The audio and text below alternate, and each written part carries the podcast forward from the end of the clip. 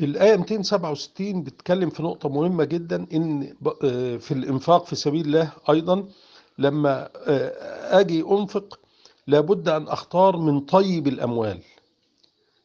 آه، أنفقوا من طيبات ما كسبتم ومما أخرجنا لكم من الأرض من الطيب برضه ولا تيمموا الخبيث منه تنفقون يعني ولا تقصدوا إن أجيب حاجة بايظة ولا حاجة من رديء المال أو من مال حرام وأنفقه.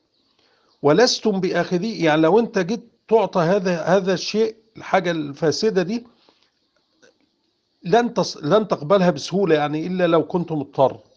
واعلموا أن الله غني فالله غني عن هذه النفقة وهذه الصدقات و... ولكنه آه، يعني فائدة الإنفاق لك أنت.